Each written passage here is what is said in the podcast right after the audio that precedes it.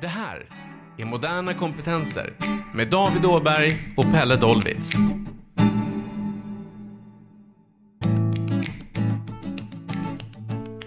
Hej och välkommen till Moderna Kompetensers podd Moderna Kompetenser. Och idag så är det avsnitt nummer 85. Så har vi, vid min högra sida. David Åberg. Ja. Och idag har vi en gäst här som är superspännande så vi är jättenyfikna på. Ja, och det är Nour Habib. Välkommen! Tack så mycket. Ja. Eh, vi har ju lärt känna varandra via vår kollega Yvonne som har lärt känna dig via sociala medier. Ja, Ja, det är så det går till idag. Eh, jättekul att ha dig här. Tack. Och, eh, vi brukar alltid börja med att fråga våra gäster lite grann. Hur, hur ser din, eh, din bakgrund ut? Vad var det som gjorde att du eh, att vi tyckte att du skulle passa bra in i programmet? ja alltså min bakgrund har varit eh, en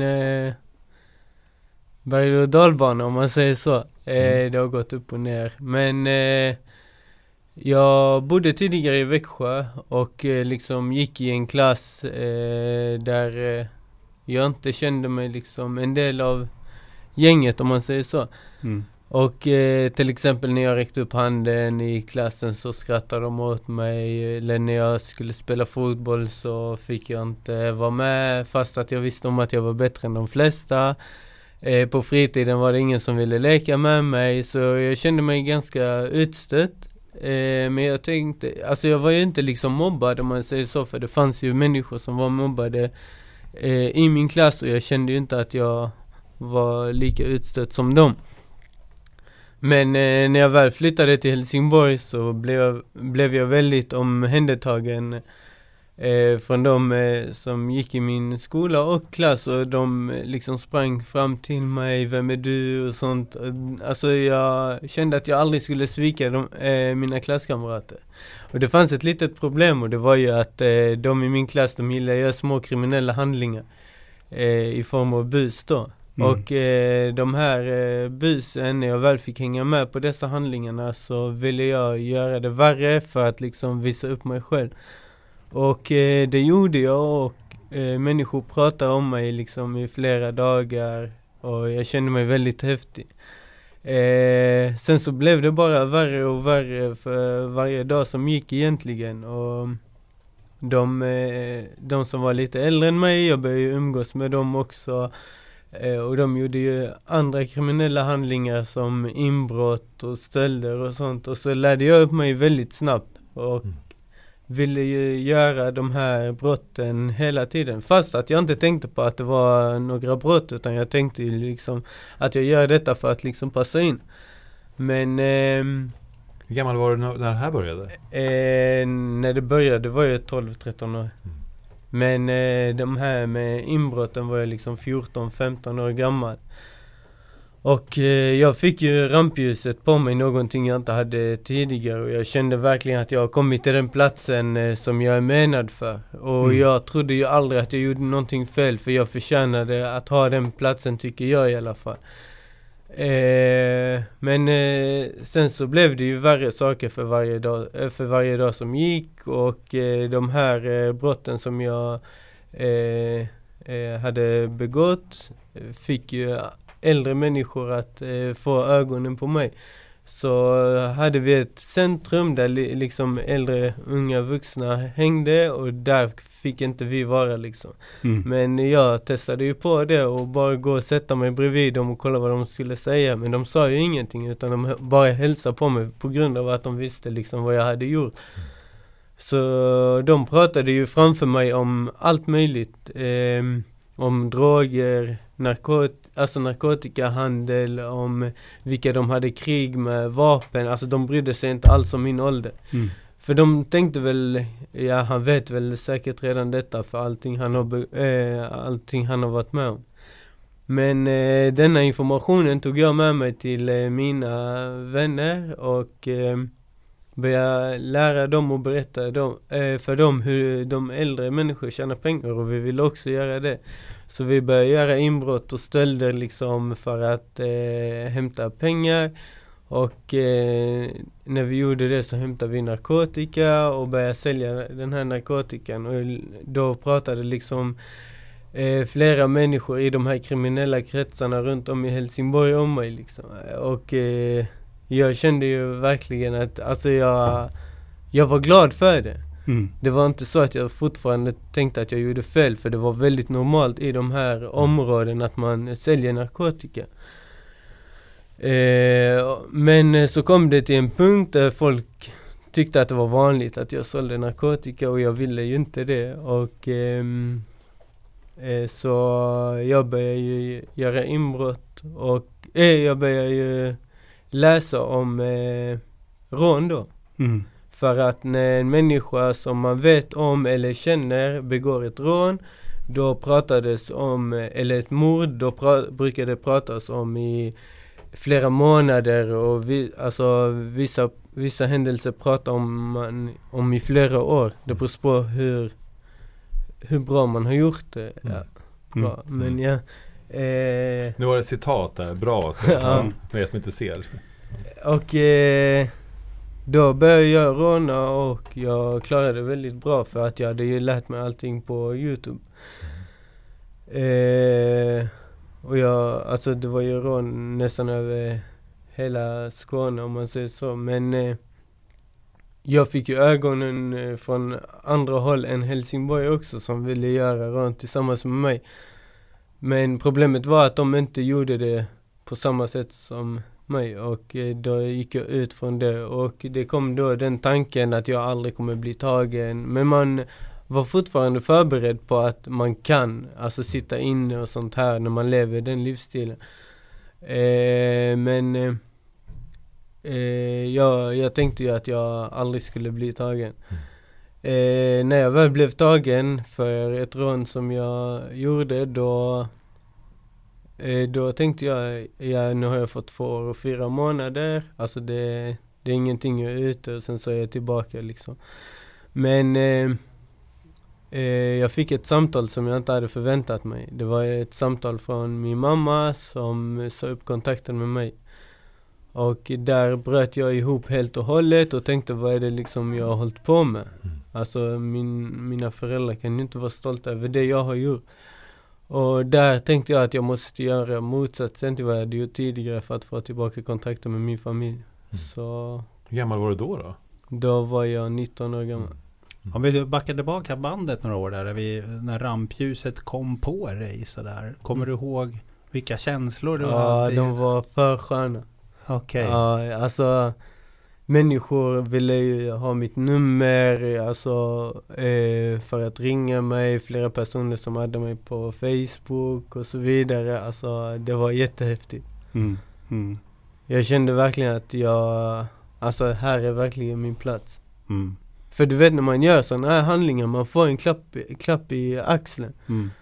Eh, och denna klappen betyder väldigt mycket för mig speciellt. Mm. På grund av eh, alltså vart jag kom ifrån. Mm. Vad tror du är som gör att du hamnade i den här miljön? Eh, som tror att jag hamnar i den miljön. Ja. Oj, det var en svår fråga. Men eh, jag bodde ju i ett utsatt område. Och eh, där hände det liksom all, allting som har med kriminalitet, gatukriminalitet att göra. Mm. Eh, och man, eh, man blir uppvuxen där liksom. Eh, barnen och ungdomarna ser ju inte att de har andra alternativ att tjäna pengar än kriminella handlingar. För det är ju så att eh, om vi säger en, att en person går och söker jobb, då, då har redan den här arbetsgivaren eh, kollat upp den här personen och eh, när han väl kommer in på intervju så vet redan eh, den här arbetsgivaren att han inte kommer få jobbet på grund av att han kommer från ett visst område, ett utsatt område. Men eh, för att eh, de liksom inte ska tappa hoppet så tar de in dem på en intervju för att kanske hitta en, Mm. alltså en kompetens som eh, kan hjälpa dem i deras företag men det är väldigt sällan. Mm.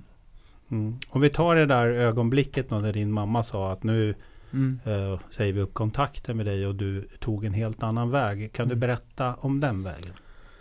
Eh, jag fick ett samtal medan jag satt i häktet efter min dom från tingsrätten och eh, det var ett samtal från min mamma. Var det första kontakten med polisen eller? Alltså så, första gången du hade åkt hit eller? Så. Nej, alltså jag har ju varit på rättegång tidigare och jag har Okej, blivit mm. dömd eh, Mm. tidigare. Men det var ju inte så allvarliga brott. Just det. Och det var ju inte fängelse, alltså jag kunde inte få fängelse för de brotten jag blev tagen för.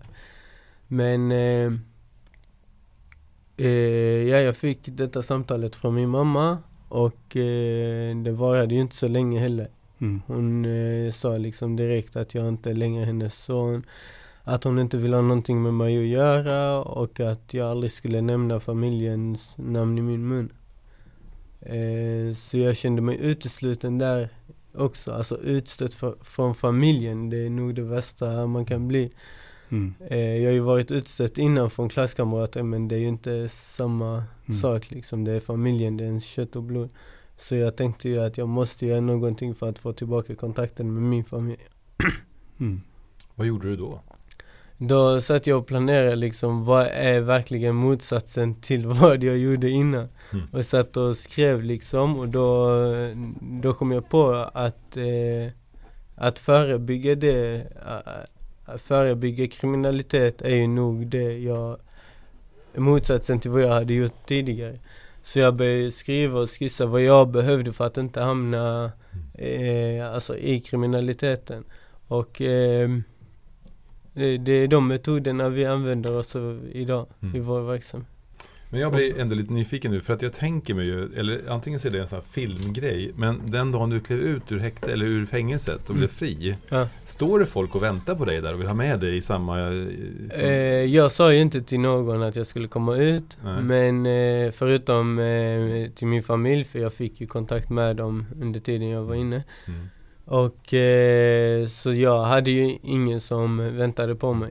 Ehm, jag ville ringa till, eh, till eh, alltså en person som skulle hämta mig men eh, jag var isolerad och fick inte ringa någon Mm. eh, de fyra sista dagarna. Mm. Mm. Eh, jag var så glad den sista veckan om mitt straff att jag skulle komma ut så jag lyssnade inte på personalen och sånt här så de isolerade mig de här fyra dagarna. Mm.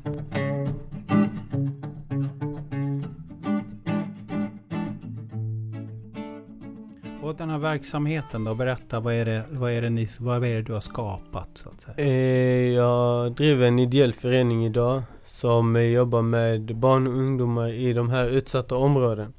Eh, för att ge dem de möjligheterna de behöver för att ta sig dit de vill komma liksom. Mm. Utan att eh, blanda in kriminaliteten i deras liv. Men även att eh, kriminella människor ska kunna komma ut från kriminaliteten utan att riskera sina liv. Eh, för idag så finns det ju inte en sån verksamhet där en person som befinner sig i kriminella kretsar kan vända sig till om han vill lämna kriminaliteten utan att berätta om olika situationer, om ol- olika handlingar och så vidare. Just det. Som, Mm. kan, som gör så att de är tvungna att byta identitet och verkligen riskera sina liv. Mm. Alltså sådana här avhopparverksamheter. Just det. Och, och vad är det ni gör då så att säga? Vad, Eh, det vi gör det är egentligen väldigt enkelt och det kostar inte alls mycket pengar eh, och det är väldigt effektivt. Eh, vi tar med oss eh, målgruppen till olika aktiviteter som är väldigt attraktiva där de eh, liksom byter miljö. Eh, där är de sig själva och där de inte längre bär masken. Där pratar vi om deras nutidsplaner och deras framtidsplaner. Men eh, vi bjuder även in föreläsare som har varit kriminella tidigare och som lever ett vanligt liv idag. Eh, som ungdomarna kan identifiera sig själva med och som föreläsarna har förståelse för. mm. Eh, syftet är att ändra målgruppens tankesätt och samhällsbild. Mm. För när man befinner sig i de här utsatta områden så har man liksom en samhällsbild att hela samhället hatar en. Och det är ju på grund av att eh, det enda de ser från samhällets sida det är inte eh, alltså näringslivet, det är inte det är liksom busschaufförer och poliser liksom. De ser inte så mycket annat. Mm. Eh, och polisen har ju liksom eh, ett tankesätt att hårdare tag ska stoppa de här människorna eller stoppa kriminaliteten men tyvärr så gör det bara de starkare. Mm. Eh, och få den här samhällsbilden att se mycket verklig, verkligare ut. Ehm, men vi tar dem även på olika samhällsevenemang. Mm. Eh, där syftet är att hitta en mentor som kan vägleda dem till deras framtidsplaner. Eh, vi inkluderar de här barnen och ungdomarna in i samhället med hjälp av samhällsevenemang som hålls i staden. Mm. Vad kan det vara för typ av arrangemang då? Som, Eh, det är sådana här eh, nätverksträffar mm. eller näringslivsträffar eh, eh, på ja, olika platser i Helsingborg. Mm. Mm. Va, va, hur länge har ni hållit på nu då? Eh, vi har hållit på sedan eh, den 8 januari 2018. Okej, och, Två och år vad, vad, vad är din upplevelse av, av utvecklingen? Eh, den är väldigt stor. Alltså okej. från början så startade vi en period på 10 veckor för 15 stycken personer. Lyckades få ut 13 stycken utav dem från kriminella kretsar och in i arbetslivet. Eh, redan där såg man en förändring, förändring liksom, ryktet om att eh, en väg in i samhället. Alltså många ungdomar, barn och ungdomar kontaktade mig efter de, de, den här perioden. För de här ungdomarna som befann sig i programmet, de spred ju ryktet liksom och det. gjorde det Mm. väldigt bra. Alltså det är inte meningen att de ska sprida ett rykte utan de berättar ju liksom vad som eh, kringgår i deras liv. Men ehm, och eh, då tänkte jag att jag har gjort någonting bra och jag såg ett helt område liksom förvandlades till eh, någonting positivt istället utan det handlade inte om narkotika utan idag handlar det om jobb. Mm.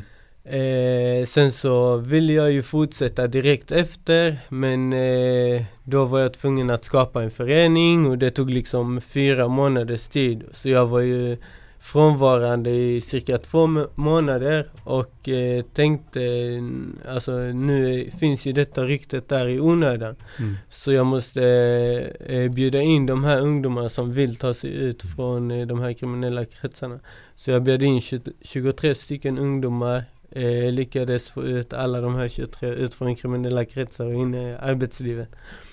Eh, sen så eh, bjöd vi in 40 stycken ungdomar. Jag skulle arbeta med en annan person så skulle jag ha ansvar för 20 och han för 20. Men han fick ett eh, erbjudande från kommunen, ett arbete och han tackade ja till det. Mm. Eh, av de här 40 så lyckades jag bara få ut 27 stycken av dem ut från kriminella kretsar och in i arbetslivet. För du vet, vi arbetar inte på en viss metod, ja så här ska vi arbeta för hela den här gruppen, utan vi arbetar med självaste in- individen. Vad är bäst för denna individen? Mm. Sen så håller vi just nu på med period nummer fyra.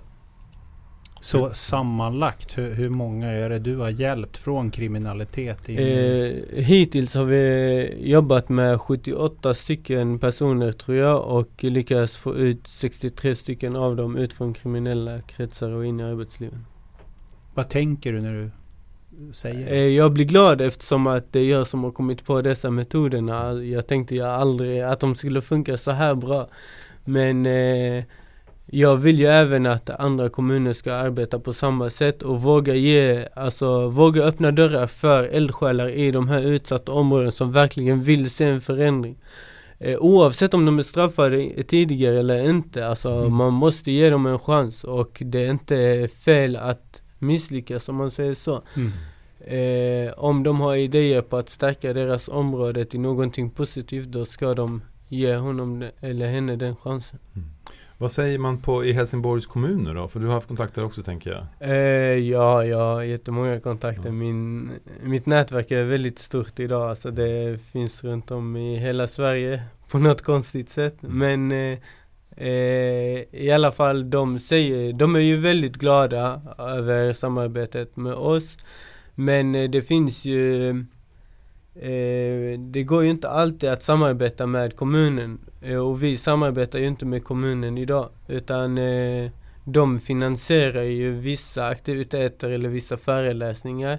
Men eh, vi kan inte ha ett eh, samarbete med dem på grund av att de vill ha en känslig information eh, eh, av målgruppen Mm. och det är ingenting vi kan ge dem liksom för då förfaller hela verksamheten. Och ungdomarna är väldigt skeptiska till eh, en verksamhet som har kopplingar till det offentliga.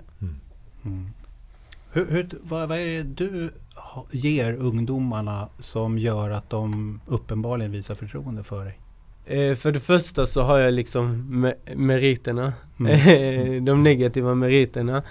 Eh, eh, det är just den biten som får dem att känna, ja men han är en av oss Mm. och han vill hjälpa oss. Och från början så tog jag ju liksom inte ut någon lön överhuvudtaget så de kunde inte komma med det argumentet att Nour gör det bara för att det är hans jobb. Utan de eh, märkte då att jag gjorde det från hjärtat och att jag ville verkligen förändra det till någonting positivt och att jag arbetade med de här barnen och ungdomarna för deras bästa. Mm. Och hur gamla är de ungefär då, de, de som du jobbar med? Eh, vi har två olika målgrupper Mm. och eh, det är barn och unga mellan 17 till 23 år. Eh, det är de vi arbetar med i verksamheten men sen så har vi en, ett annat projekt vid sidan om som heter Projekt Nattetid som är för målgruppen 15 till 25 i de utsatta områden där vi har en lokal öppen för eh, denna målgruppen eh, istället för att de ska hänga på ett centrum och skapa oroligheter så eh, och skapa otrygghet så har vi en lokal Mm. till dem liksom där de kan umgås, spela Playstation, eh, få läxhjälp eller planeringshjälp för deras idéer. Eh, där de kan även spela kort och där vi har olika eh, personer som kommer och utbildar till exempel datakunskap och eh, massage eller som tar praktiska utbildningar som tar ungefär en dag att lära ut till ungdomarna. Okej, Så att de får liksom en kompetens där också. just det. Det är kanske lite grann till att ha enklare jobb och sådana saker också. Precis. Ja, det Mm. som man pratade ganska mycket om för några år sedan, man ska hitta enkla jobb till folk. Som, Mm. mm, okej. Mm.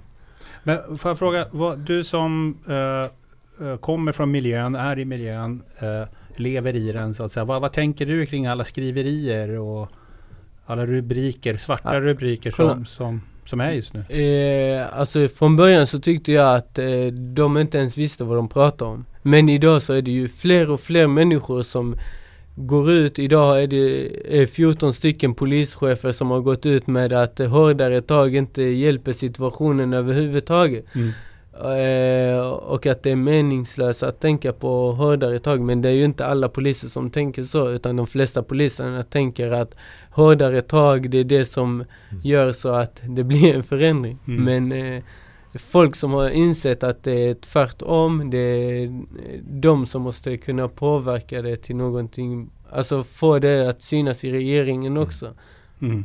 Mm. Man pratar ju om de här, är det 23 utsatta områden i Sverige? Nej, Är det det, är 64. 64, ja, det är Mm. jag som är dåligt påläst. Mm. 64, och, eh, hur många av dem har du haft kontakt med nu sedan du startade det här?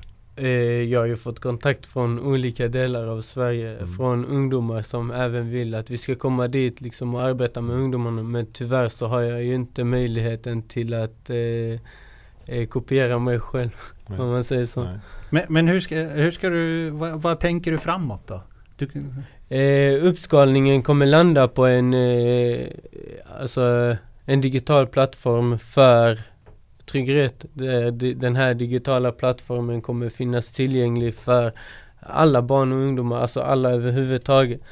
Eh, det kommer vara i form av ett spel där inte inriktningen kommer vara att förebygga kriminalitet utan att inriktningen kommer vara liksom ta dig dit du vill. mm. Mm. Mm. Mm. Spännande. Mm. Är, är det någon av dina gamla, om man får kalla det brott, brottskompisar som, du, som är med på den här resan av de här 60 personerna som du har liksom Eh, nej, ingen av dem alltså. Nej. Det, jag har ju lämnat dem i fred på Ja. grund av att när jag kom ut från fängelse så fick jag ett samtal utav någon eh, av dessa människorna. Som eh, trodde att jag hade hamnat i en psykos och eh, ville att jag skulle liksom känna av den känslan av mitt tidigare liv.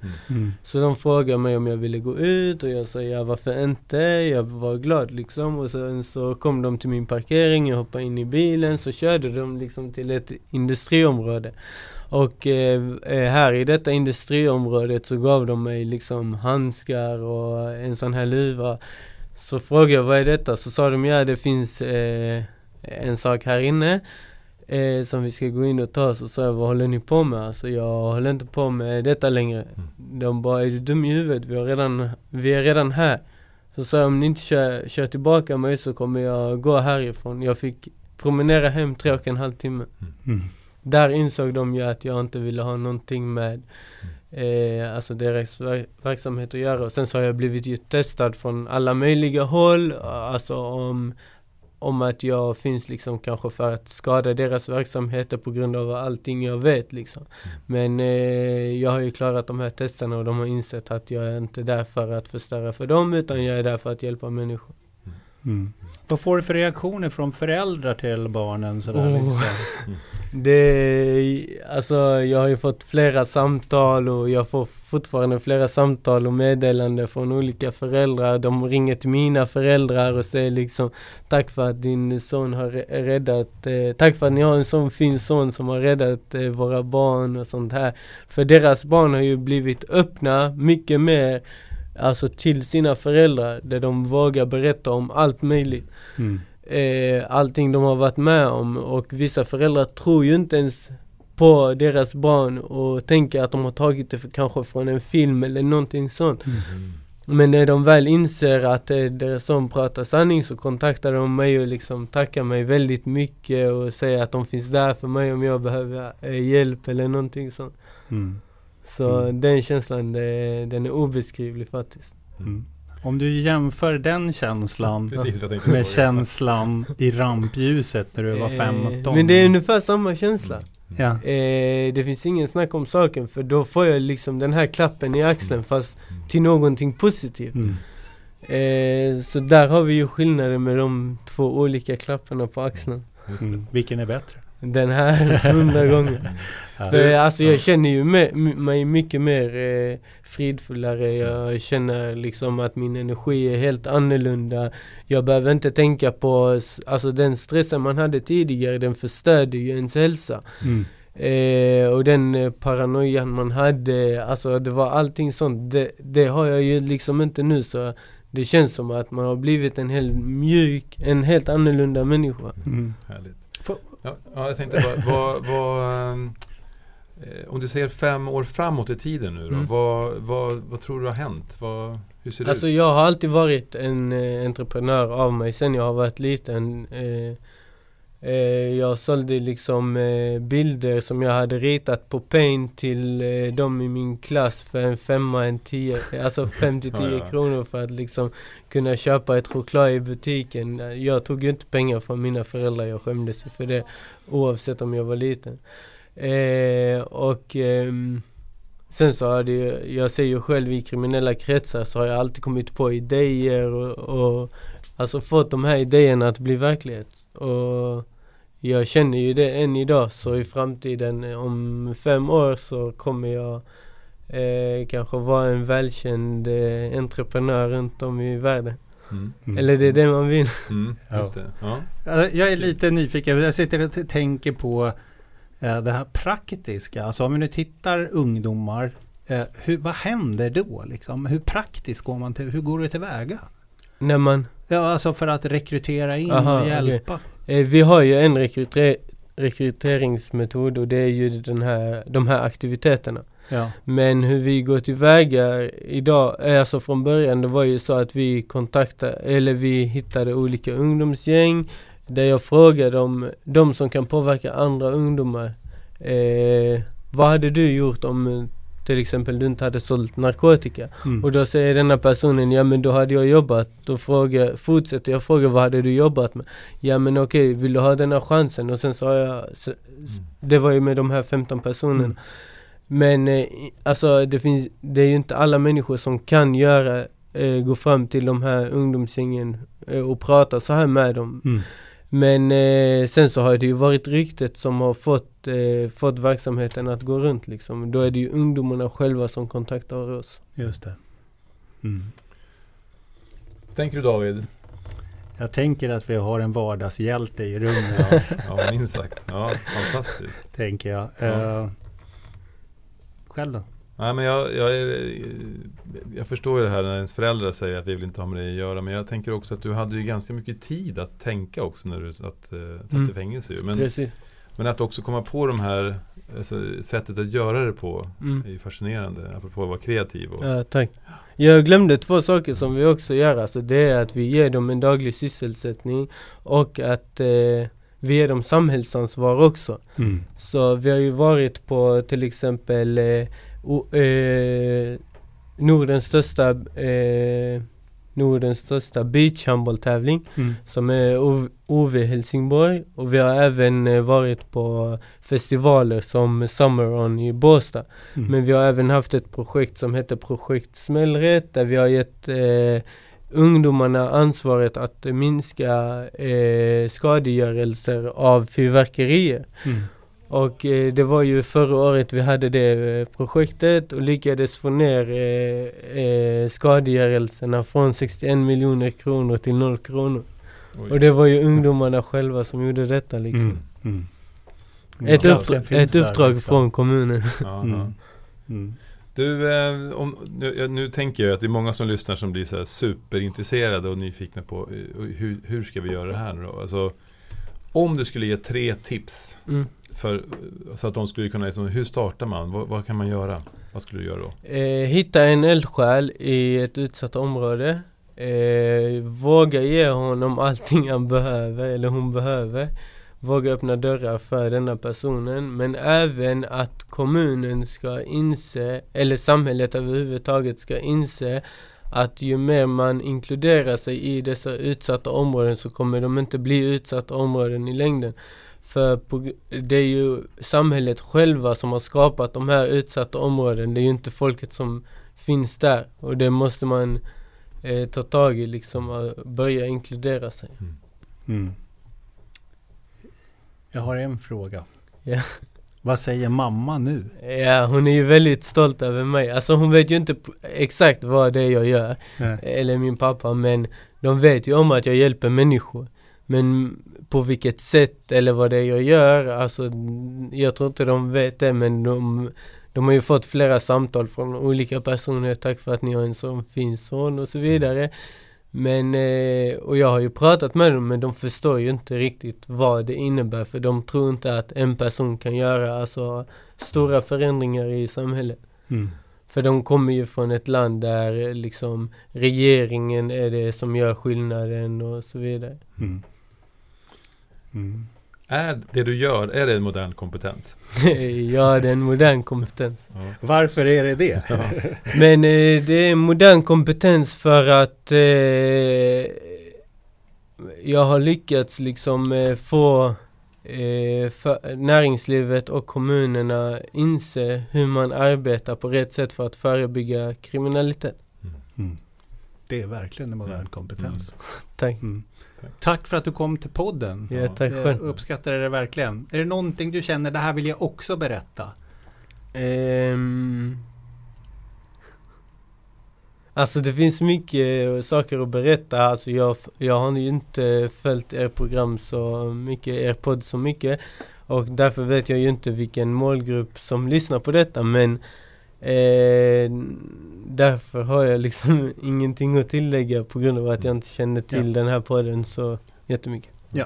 Eh, då har jag, du sa till mig innan podden började, jag vet inte hur hemligt det är, men när den här sänds så kanske det är officiellt. När kommer det sändas? Eh, om två veckor typ. Okej. Eh, Då är det vilket datum? Och det är nu, eh, det blir månadsskiftet då, den typ 6 november och sånt där. Ja. Jag vågar inte Ja, ta okej, den risken. Det får bli en cliffhanger. Det Ja. får bli podd nummer två med Ja, Nor liksom. ja. Mm. Nor, tack så jättemycket för att du kom hit och Mm. eh, ja, jättekul att höra och Tack. stort lycka till nu i framt, framtiden också. Tack så jättemycket. Mm, ja, verkligen. Stort lycka till och vill ni lyssna mer på eh, andra poddar eller filmer eller se eller höra eller känna på moderna kompetenser så är ni välkomna till vår hemsida. Mm. Ha en bra dag. Tack, hej hej. Hej då.